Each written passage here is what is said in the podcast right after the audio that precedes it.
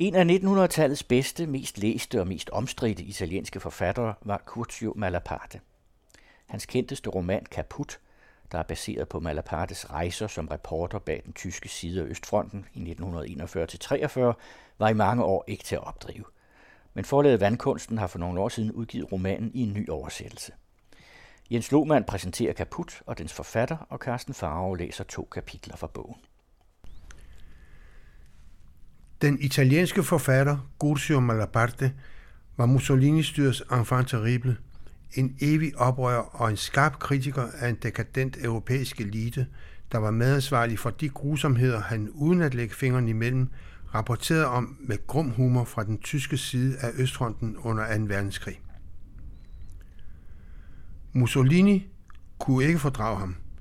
Gestapos leder Heinrich Himmler havde og frygtede ham. Alligevel kunne han under 2. verdenskrig rejse næsten frit, helt frem til fronten på den tyske side, først i Frankrig, siden i Ukraine, Polen, ved Leningrad og i Finland, og rapportere hjem til det store italienske dagblad Corriere della Sera om sine indtryk og oplevelser. Som italiensk krigskorrespondent 1939-43 og veteran fra 1. verdenskrig fik han en kaptajnsgrad i den italienske hær, hvilket gav ham en vis bevægelsesfrihed. Han bevægede sig også frit i salongen hos den fascistiske og nazistiske elite i Tyskland, Italien og de besatte lande. Det kan undre, at han slap levende fra det. Måske fordi han havde et navn som forfatter og journalist, og fordi han havde gode relationer helt ind i toppen af det italienske fascistparti, som han var medlem af fra 1922 til Mussolinis fald i 1943. Trods sit medlemskab af fascistpartiet var Malaparte en af de mest uafhængige, rebelske og indflydelsesrige italienske forfattere i første halvdel af 1900-tallet. Allerede med debutbogen Viva Caporetto, Leve Caporetto, fra 1921, der giver en ikke særlig flatterende fortolkning af de italienske styrkers forsmedelige nederlag mod østrigerne ved Caporetto under 1. verdenskrig i 1917, lader han sig ud med især det italienske establishment og hæren. Med romaner som Kaput fra 1944 og La Belle, det dyrbare skin fra 1949, og den stærkt polemiske essaybog Teknik du coup d'état, statskubbets teknik fra 1931, hvor han angreb både Hitler og Mussolini, skabte han sig et ry som en original fortæller og en politisk uafhængig, kritisk og polemisk skribent. Gurzio Malaparte blev født i Prato i nærheden af Firenze i 1898 som søn af en italiensk mor og en tysk protestantisk far. Hans navn var Kurt Erik Sukat. Navnet Gurso Malaparte antog han senere som forfatternavn. Malaparte, den onde eller dårlige del, er modstykket til Napoleon Bonaparte, den gode del. Et bevidst valg for at udtrykke en afstandtagen fra kubmager og diktatoriske ledere. Under 1. verdenskrig meldte han sig som frivillig til den italienske hær og blev i 1918 hårdt medtaget under et tysk senapsgasangreb på den franske front. Den lungekræft, han døde af i 1957, blev formentlig forårsaget af virkningerne af senapsgassen. Efter krigen forsøgte han sig med en diplomatisk karriere, men valgte snart at blive journalist. I 1924 grundlagde han tidsskriftet La Conquista de los Stato, erobringen af staten, og to år senere, sammen med Massimo Montempelli, det litterære kvartalstidsskrift 900, der agiterede for fremskridt, teknologi og moderne byudvikling. I 1928-31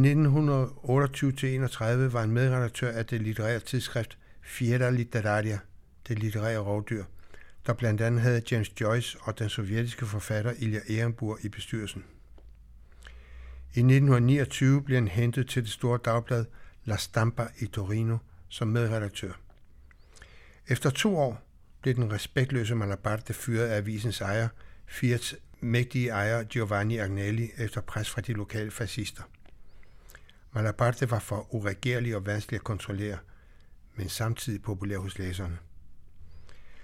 Han modtog en meget stor aftrædelsessum, som tillod ham at føre et bekvemt og luksuriøst liv. Malaparte var, som mange italienske forfattere og kunstnere dengang, påvirket af futurismen, der så krigen som noget dynamisk.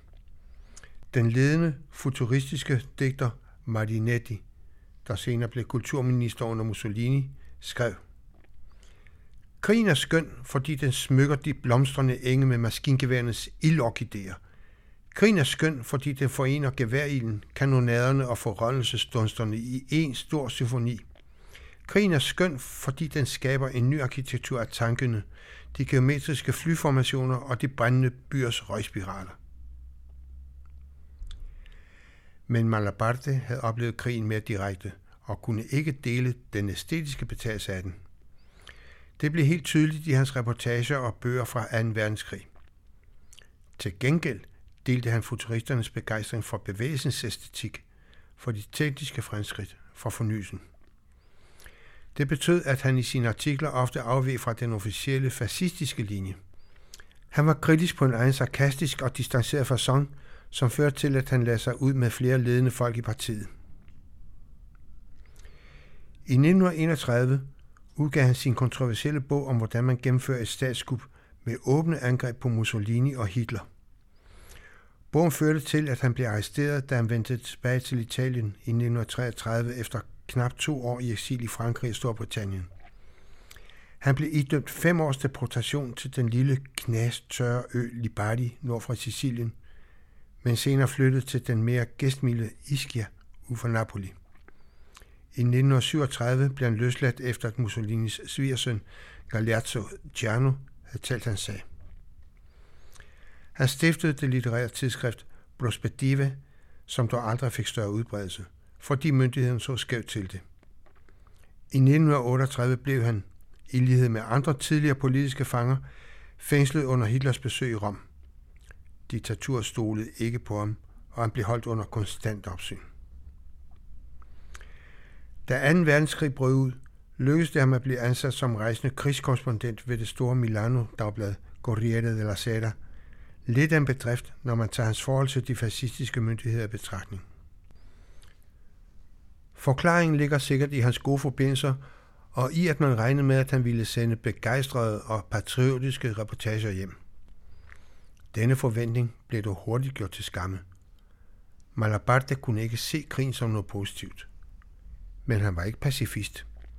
Han havde snarere udviklet sig til en sort seer, der så en elite, han kendte så godt, forfalde, misbruge sin magt og udvise en grum kynisme.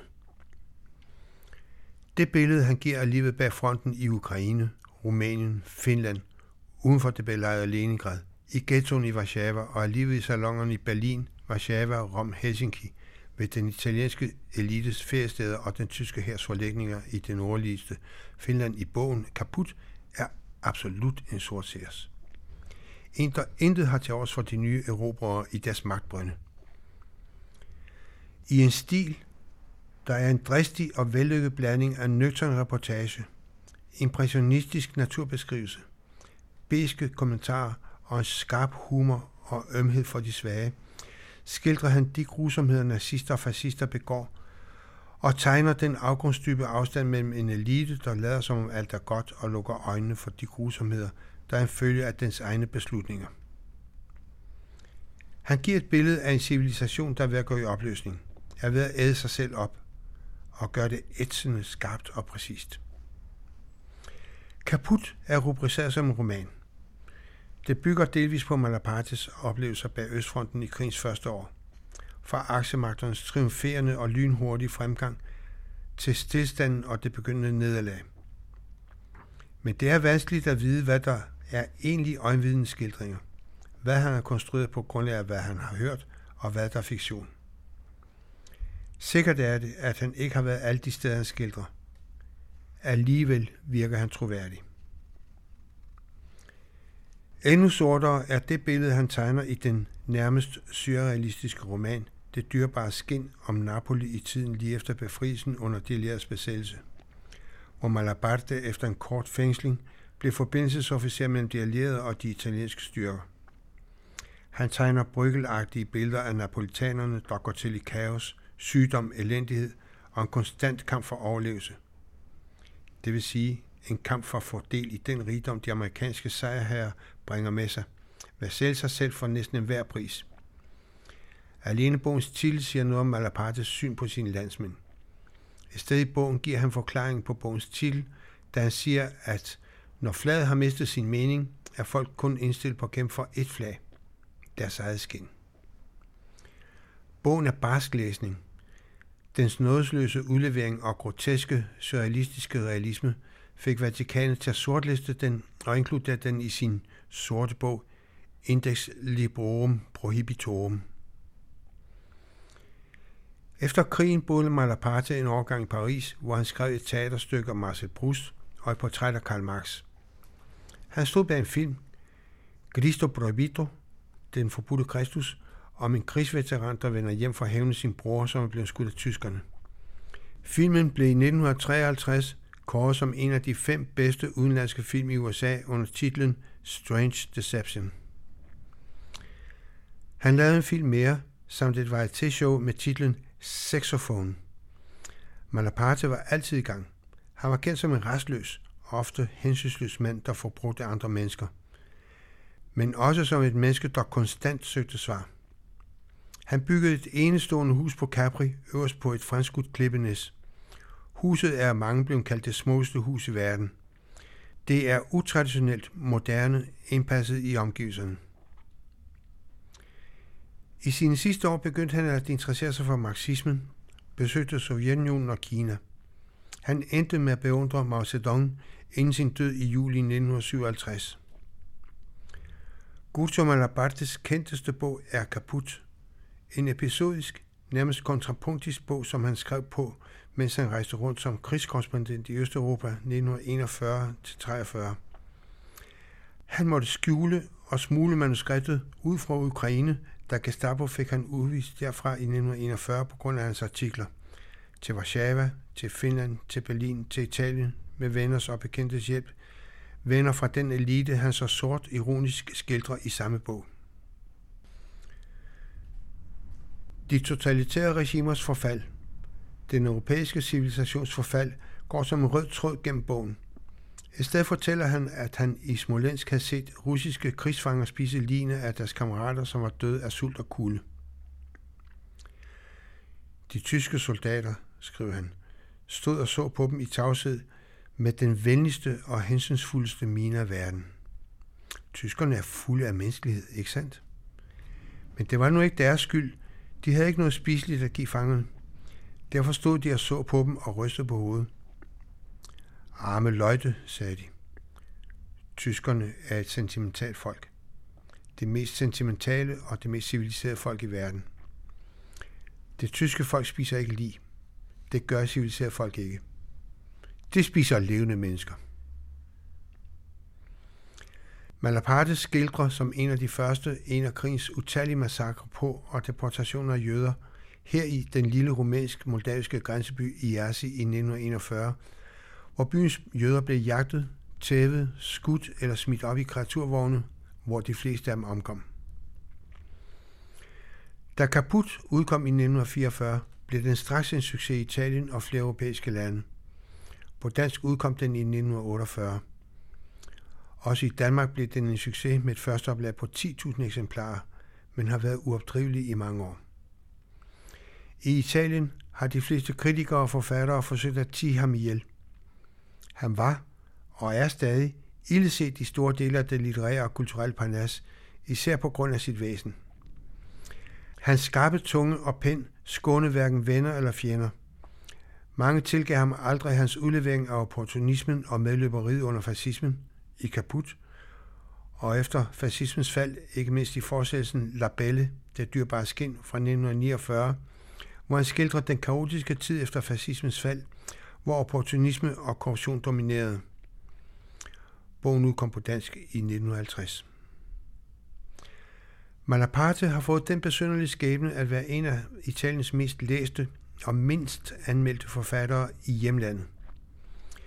De fleste italienske litteraturhistorier og leksika nævner ham overhovedet ikke eller allerhøjst med et par linjer. I mange år lykkedes det næsten at tige ham totalt ihjel, indtil det lille forlag Adelphi i 2009 udsendte en ny udgave, af Kaput. Der rejste sig et ramaskrig, og den gamle kritik af hans udskærende liv blev atter trukket frem. Romanen tog man ikke stilling til. I udlandet er han derimod højt anerkendt. En forfatter som Milan Kundera har prist ham i høje toner til stor forarvelse for det litterære panasse i Italien. Og nu har forlaget Vandkunsten sørget for, at Kaput, en af litteraturens mest originale og læseværdige krigsromaner, i Conny Kaj Jørgensens nyoversættelse igen kan læses på dansk. Jeg har valgt to afsnit fra bogen. Først en episode, som ifølge Malaparte fandt sted i den nordøstrumænske by Iasi efter en massakre på byens jøder, da levende og døde jøder skal transporteres bort i tog. Malaparte og den stedlige italienske konsul jagter tog for at stanse transporten og finde konsulens jødiske husvært. Dernæst en anden grum episode, denne gang i Ukraine, ikke langt fra fronten ved Dnieperfloden. Uddragende fra Kaput bliver læst af Carsten Farve. Et par dage efter massakren var et tog med jøder kørt mod Podo i Lurjæ, en landsby cirka 20 mil fra Yassi, hvor politichefen havde besluttet at oprette en koncentrationslejr. Toget var kørt for tre dage siden, så det måtte for længst være fremme. Lad os tage til Podo i Lurjæ, sagde Satori. Så næste morgen kørte vi til Podo i Lurjæ. Ved en lille station midt ude i det støvede landskab stansede vi for at forhøre os om toget. Nogle soldater, der sad i skyggen af en forladt vogn på et sidespor, fortalte, at toget, der bestod af en halv snes kreaturvogne, var ankommet to dage tidligere og var blevet holdende på stationen hele natten.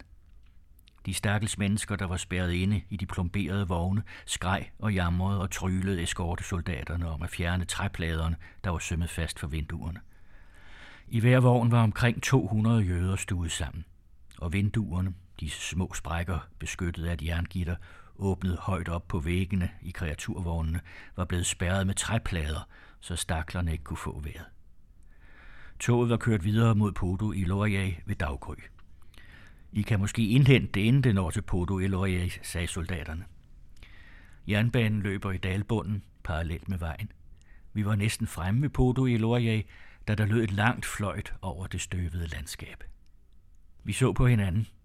Vi var så blege, at man skulle tro, vi kunne kende fløjtet. Hvor er det varmt, sukkede Satori og tørrede ansigtet med sit lomterklæde.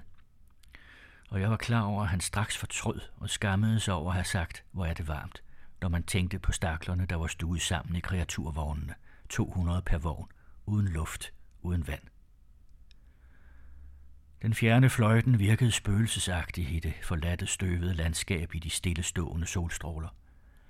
Lidt efter fik vi øje på toget. Det holdt stille foran et stopsignal og fløjtede. Dernæst satte det sig langsomt i bevægelse, og vi fulgte efter ved siden af det langs vejen.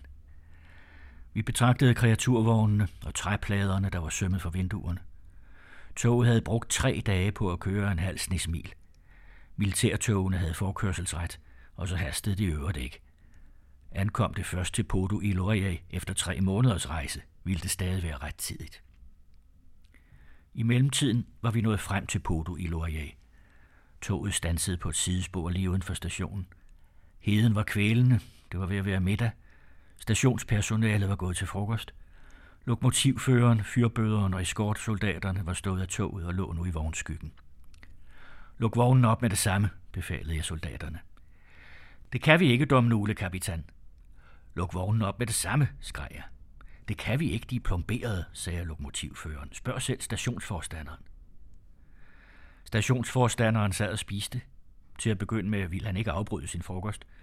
Men da han fandt ud af, at Sartori var italiensk konsul, og jeg en italiensk domnole kapitan, rejste han sig fra bordet og træskede afsted efter os med en stor tang i hænderne. Soldaterne gik straks i gang med at forsøge at åbne døren til den første vogn. Døren, som var af træ og jern, gav sig ikke. Det var som om ti, nej, hundrede arme holdt fast i den indefra. Som om fangerne kæmpede for at forhindre, at den blev åbnet. På et tidspunkt råbte stationsforstanderen, Hallo, I derinde, skub på! Der kom intet svar. Så lagde vi andre alle kræfter i. Satori stod foran vognen med opadvendt ansigt og tørrede sveden af panden med sit lomtørklæde. Pludselig gav døren efter, og vognen gik op. Vognen gik pludselig op, og fangerne faldt ned over Satori, væltede ham om kul og landede ovenpå ham. Det var de døde, der flygtede fra vognen.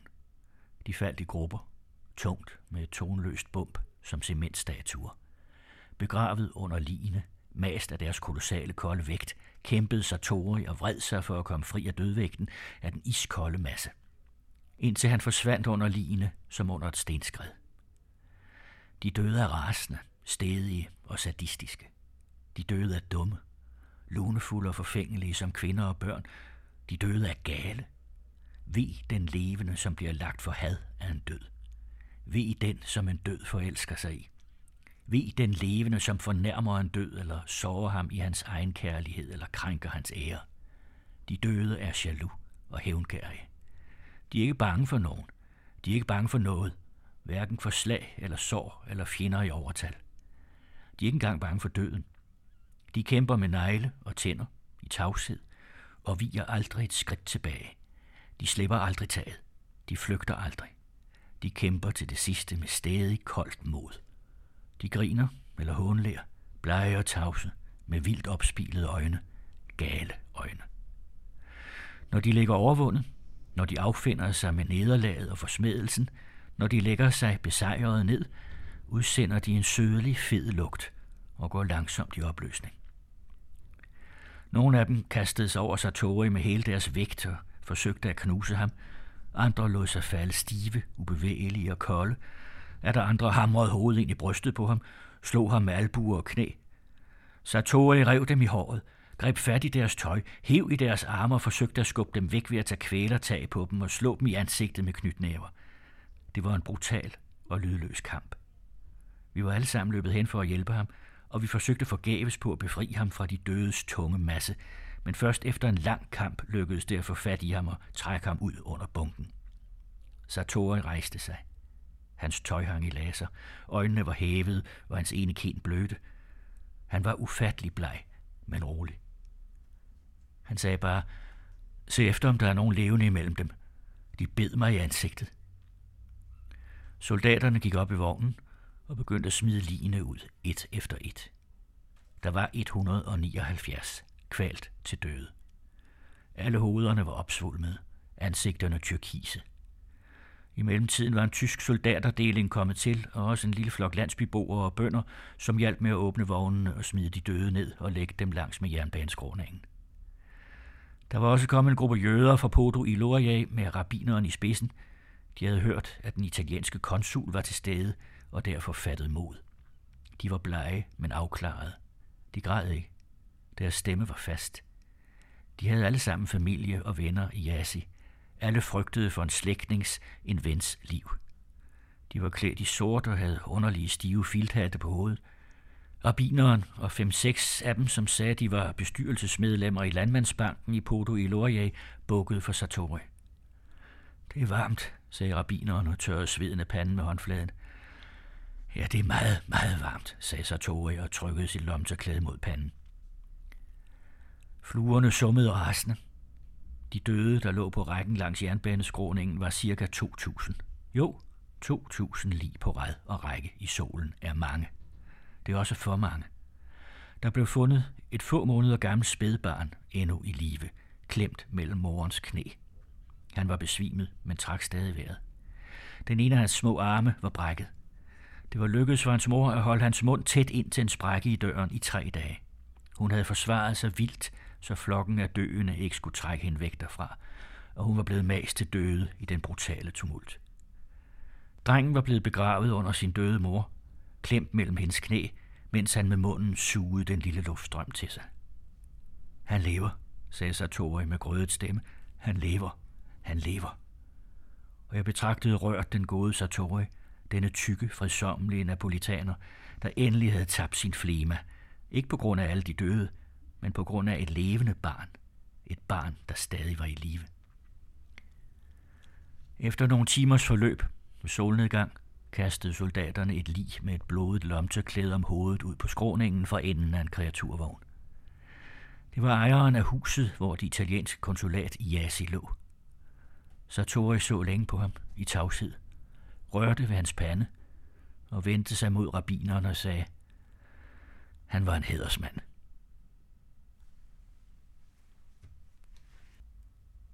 De røde hunde. Det havde regnet i dagevis. Ukraines dybe sorte mudderhav steg langsomt i horisonten. Det var det ukrainske efterårs højvand. Mudderet svulmede langsomt op, ligesom dej, der hæver. Mudderets fede lugt kom med vinden fra enden af den umådelige slette og blev tungere af lugten af uhøstet korn, som rådnede i plovfugerne, og af solsikkernes søde og trætte lugt. Fra solsikkernes sorte pupil løsnedes frøene et efter et. Et efter et faldt de lange gule øjenvipper rundt om det store runde øje, hvidt og tomt som på en død. De tyske soldater, der kom tilbage fra frontlinjen, smed, når de nåede til landsbytorvet, geværerne på jorden, uden at sige noget. De var smurt ind i sort mudder fra top til tå, havde langt skæg og indfaldende øjne, der lignede solsikkernes, helt hvide og tomme. Officererne betragtede soldaterne, geværerne på jorden, og sagde ikke noget. Nu var blitzkrigen, der blitzkrig, slut, og nu begyndte der 30-jährige blitzkrig, 30 års blitzkrigen. Den vundne krig var nu slut, og den tabte krig kunne begynde. Og dybt inde i de tomme øjne på de tyske officerer og soldater så jeg angstens hvide plet dukke frem. Jeg så den brede sig lidt efter lidt, gnaske i pupillen, brænde øjenvipperne ved deres rødder, og vipperne faldt en efter en ligesom solsikkernes lange gule vipper. Når tyskerne først bliver bange, når den mystiske tyske angst trænger ind i knoglerne på dem, så er det, at de vækker størst rejsel og medynk. De ser forfærdelige ud. Deres grusomhed er sørmodig. Deres mod er tavst og fortvivlet. Og så er det, at de bliver onde. Og jeg angrede, at jeg var kristen. Jeg skammede mig over at være kristen. De russiske fanger, som kom ned fra fronten til baglandet, var ikke længere dem fra de første måneder af krigen mod Rusland. Det var ikke dem fra juni, juli eller august måned, som de tyske soldater eskorterede til fods i sommerheden mod baglandet, i dagevis til fods i det røde og sorte støv på den ukrainske slette. I krigens første måneder stillede landsbykonerne sig i døren og lå eller græd af glæde og kom løbende med mad og drikke til fangerne. Objetnia, objetnia, råbte de. Det betyder arme stakler. De kom også med mad og drikke til de eskorterende tyskere, som sad midt på torvet på bænkene rundt om gipsstatuen af Lenin eller Stalin, der lå væltet om kul i mudderet, og de røg og fik sig en hyggelig snak med maskingeværet mellem benene. I pausen i landsbyerne var de russiske fanger næsten frie. De kunne gå rundt, endda gå indenfor i hjemmen og tage tøjet af og vaske sig ved fontænerne. Men så snart den tyske korporal fløjtede, løb alle hen på deres plads, og kolonnen satte sig i bevægelse, forlod landsbyen og forliste under sang i den umådelige slettes guldgrønne hav. Kvinder, gamle og børn fulgte efter kolonnen et langt stykke vej, mens de lå og græd, og på et tidspunkt stansede de og blev stående der og vinkede farvel, farvel med armene og sendte fingerkys til fangerne, der travede afsted i sommerheden på den støvede vej, og vendte sig om en gang imellem for at råbe, Dos vidanje, doragaya, vi ses igen, mine kære. De tyske eskortesoldater spacerede med maskingeværet over skulderen, mens de sludrede med hinanden og lå mellem solsikkehækkene. Og solsikkerne bøjede sig frem for at se dem passere, og fulgte dem længe med deres runde sorte øjne, indtil kolonnen forsvandt i den store støvsky. Nu var den vundne krig slut. Den tabte krig begyndte, nu begyndte der 30-jährige blitzkrig, 30 års blitzkrigen, og fangekolonnerne blev stadig sjældnere. De tyske eskortesoldater spacerede ikke længere med maskingeværet over skulderen, mens de sludrede med hinanden og lå. Derimod sluttede de tæt op om kolonnerne og skreg med hæs stemme, rettede maskingeværernes blanke sorte øje mod fangerne. De blege og udtærede fanger slæbte sig afsted i mudderet. De var sultne, de var trætte, og i landsbyerne så tårervægede kvinder, gamle og børn dem passere. De mumlede, Nidjevo, Nidjevo. De havde ingenting tilbage. Ikke engang en humpelbrød. Ikke engang et glas mælk. Tyskerne havde taget det hele. Stjålet det hele. Nidjevo, Nidjevo. Det gør ikke noget, Doragaya. Det gør ikke noget, mine kære. Sjoravno. Det er lige meget. Sjoravno, svarede fangerne. Og kolonnen gik gennem landsbyen uden at gøre ophold. I regnen, i den fortvivlede takt til Fjoravno, Fjoravno, Fjoravno, og fordiste i den umådelige slettes hav af sort mudder. Så begyndte de første udendørstimer, de første læseøvelser i kolkosgårdene. Den eneste gang, jeg har overværet en af disse timer, var en kolkos i en landsby i nærheden af Nemirovskoje. Efter den ene gang nægtede jeg at overvære lignende læseøvelser. Varum nægt? spurgte general von Schoberts tyske officer. Hvorfor vil de ikke overvære udendørstimerne? Det er et meget interessant eksperiment. Sehr interessant. Fangerne stod på ræde række i kolkosgården. Langs ringemuren under det store halvtag lå hundredvis af landbrugsmaskiner hulter til bulter, slåmaskiner, lugemaskiner, mekaniske plove, tærskeværker. Det regnede, og fangerne var gennemblødte. De havde stået der et par timer, tavse, støttende sig mod hinanden. Det var blonde unge mænd, kronravede, med lyse øjne i brede ansigter. Deres næver var store og flade. Tommelfingeren var kort, kroget og barket. Næsten alle var bønder. Man kunne kende arbejderne blandt dem, for det meste mekanikere og håndværkere fra kolkosen, på deres statur og hænder. De var højere, tyndere og lysere. De havde magre hænder med lange fingre, glat tommelfinger, poleret af kontakten med hammer, høvl, svensknøgle, skruetrækker og startsving. Man kunne kende dem på deres alvorlige ansigt og glansløse øjne.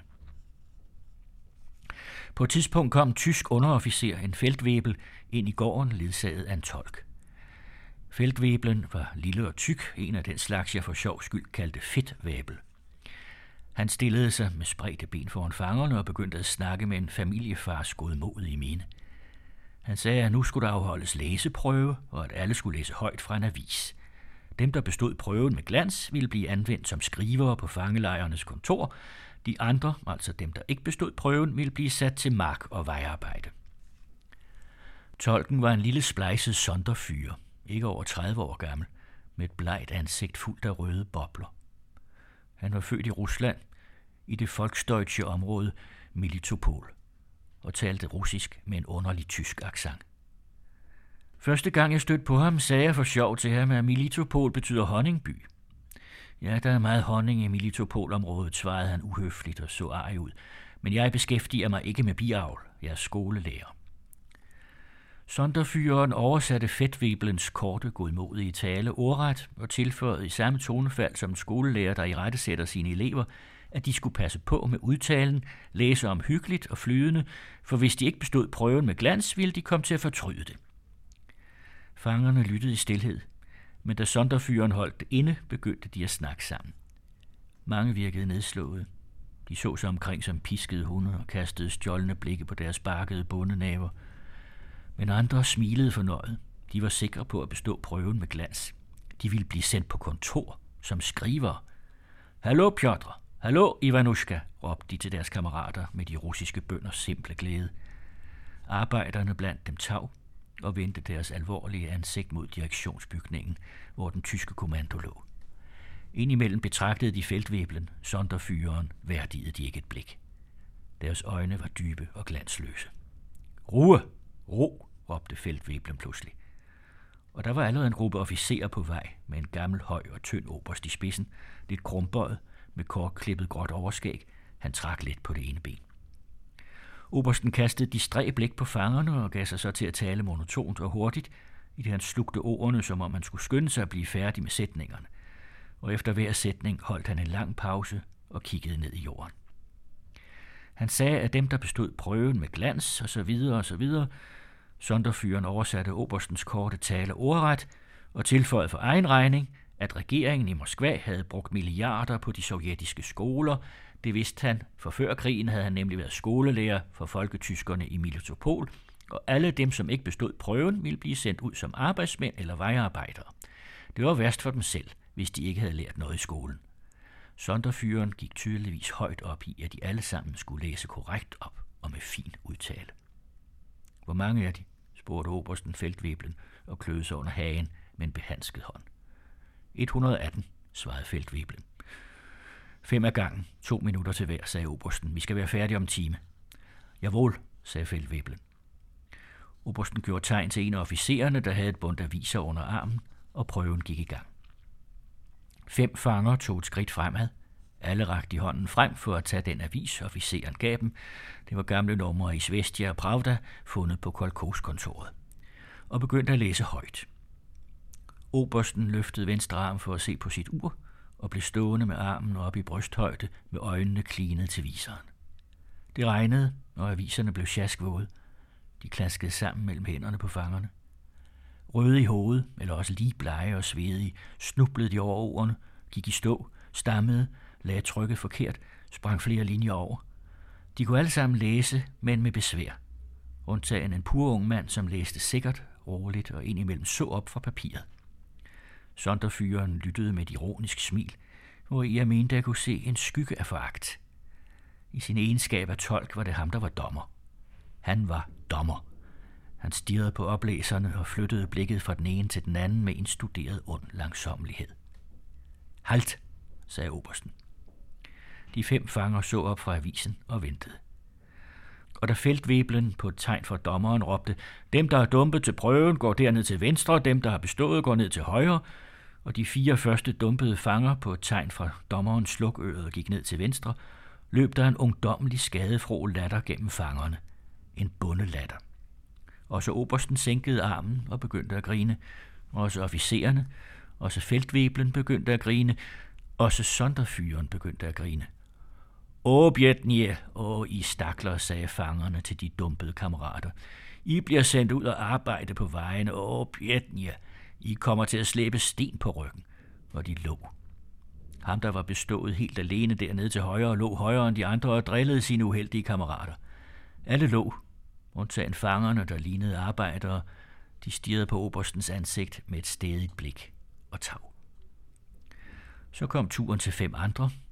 Også de bestræbte sig på at læse flydende, uden at snuble over ordene, uden at lægge trykket forkert, men der var kun to, der læste korrekt. De tre andre, røde i hovedet af skam eller blege af angst, holdt avisen stift i hænderne og slikkede sig ind imellem om de tørre læber. Halt, sagde obersten. De fem fanger så op og tørrede sveden af panden med avisen. I tre ned til venstre, I to til højre, skreg feltveblen på et tegn for sonderfyren. Og kammeraterne drillede de dumpede og sagde, Åh, er Ivan, Objetni Piotr, og tog sig til skulderen, som for at sige, I kommer til at slæbe sten. Og alle lå. Men en af de fem fanger i den tredje gruppe læste udmærket, flydende og tydeligt, og indimellem så han op på obersten. Avisen, han læste, var et gammelt nummer af Pravda fra 24. juni 1941. På forsiden stod, tyskerne har angrebet Rusland. Kammerater soldater, det polske folk vinder krigen og knuser angriberne. Ordene rungede i regnen, og obersten lå, sonderfyren, feltveblen, officererne, alle lå, også fangerne lå, og så beundrende og misundeligt på kammeraten, der læste nøjagtigt som en skolelærer. Flot, sagde sonderfyren til ham og strålede. Han virkede nærmest stolt over, at fangen læste så godt. Han var lykkelig og stolt, som havde det været en af hans elever. Ned til højre med dig, sagde feltvæbelen godmodigt til fangen og puffede kærligt til ham med flad hånd. Obersten så på feltvæbelen og skulle lige til at sige noget, men tog sig i det, og jeg opdagede, at han rødmede. Dem, der var samlet i højre side, lå fornøjet. De beståede så spotsk på deres uheldige kammerater, pegede på deres eget bryst og sagde, en skriver her. De skar grimasser over de dumpede og sagde, sten på ryggen. Kun fangerne, der lignede arbejdere, sådan en efter en gjorde de beståedes rækker længere ned til højre, tag og stirrede stumme på obersten. Da han på et tidspunkt mødte deres blik, rødmede han, og med et hæftigt ryg af utålmodighed skreg han snel fart på. Prøven varede omtrent en time. Da det sidste hold fanger, der var kun tre tilbage, var færdige med to minutters læsning, sagde obersten henvendt til feltveblen, tæl dem. Feltveblen gav sig til at tælle dem på afstand med fremstrakt finger – ein, zwei, drei. Dem til venstre, de dumpede, var 87. Dem til højre, de beståede, 31. På tegn for obersten begyndte sonderfyren at tale. Han lignede virkelig en skolelærer, der er utilfreds med sine elever.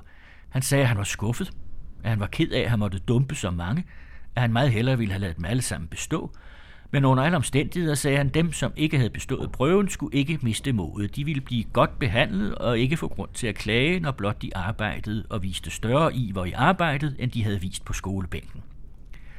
Mens han talte, så de beståede selvtilfreds på deres uheldige kammerater, og de yngste af dem stak pjatten af albuerne i siden på hinanden.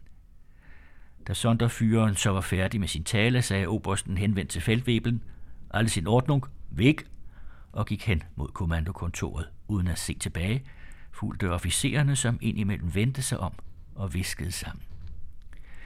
I bliver her til i morgen, og i morgen skal I i arbejdslejr, sagde feltveblen til den venstre gruppe. Så henvendte han sig til den højre, de beståede, og befalede dem brysk at stille sig på række. Så snart fangerne stod på række ved siden af hinanden, albu ved albu, de så fornøjet ud, de lå drilsk, mens de kiggede på deres kammerater, talte han dem hurtigt en gang til, sagde 31 og gjorde med hånden tegn til SS-delingen, der ventede for enden af gården.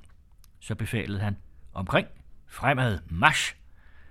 Fangerne gjorde omkring, bevægede sig med hårde tramp i mudderet, og da de stod med ansigtet mod ringmuren omkring gården, befalede feltveblen halt og henvendt til SS'erne, der havde taget opstilling bag ved fangerne og allerede løftet maskingeværerne, rømmede han sig, spyttede på jorden og skreg, Føjer! Ved salvens knitren stansede obersten, der nu var nået næsten helt frem til kommandodøren, og vendte sig om i et ryg. Også officererne stansede og vendte sig om.